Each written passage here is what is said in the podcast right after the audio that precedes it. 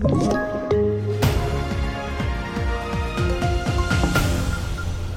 Man åtalas för misshandel av barn, nya avtal mellan Sverige och Ukraina och extrainsatt möte i Ungern.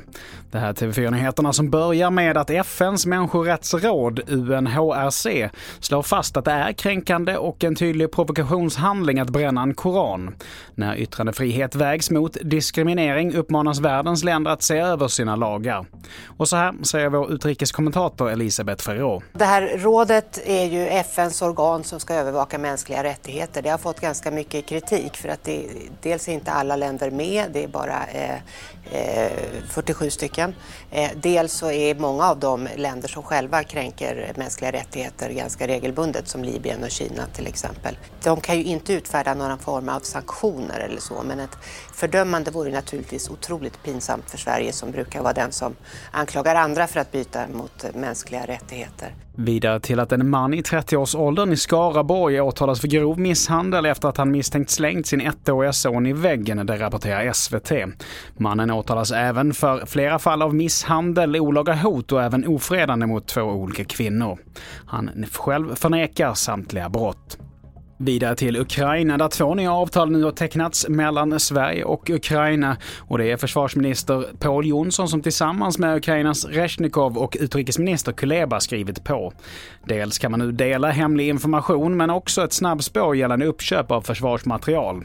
Och så här säger vår utrikeskommentator Jonas Björk. Hittills har ju stödet till Ukraina så att säga skett ur hand i mun. Nu har man formaliserat det hela. Försvarsministern har skrivit under de här avtalen så att det ska gå lätt rätt lättare att hjälpa Ukraina. Och som du nämnde, att nu kan Ukraina till exempel få ta tag i de avtal som Sverige redan har slutit och som Sverige bedömer i det akuta skedet inte hjälper oss utan hjälper Ukraina istället. Och sen naturligtvis också det här med underrättelseverksamhet som är otroligt viktigt. Till sist, Ungerns regering kommer att diskutera Sveriges NATO-ansökan vid ett extrainsatt möte senare i veckan, det rapporterar nyhetsbyrån Bloomberg.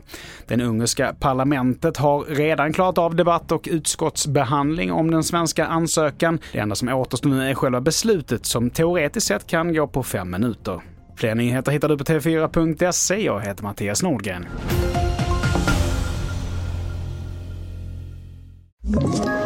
Ett poddtips från Podplay. I podden Något Kaiko garanterar östgötarna Brutti och jag, Davva, dig en stor dos skratt. Där följer jag pladask för köttätandet igen. Man är lite som en jävla vampyr. Man har fått lite blodsmak och då måste man ha mer.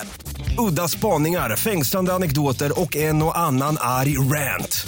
Jag måste ha mitt kaffe på morgonen för annars är jag ingen trevlig människa. Då är du ingen trevlig människa, punkt. Något Kaiko, hör du på Podplay. Därför är gardinerna.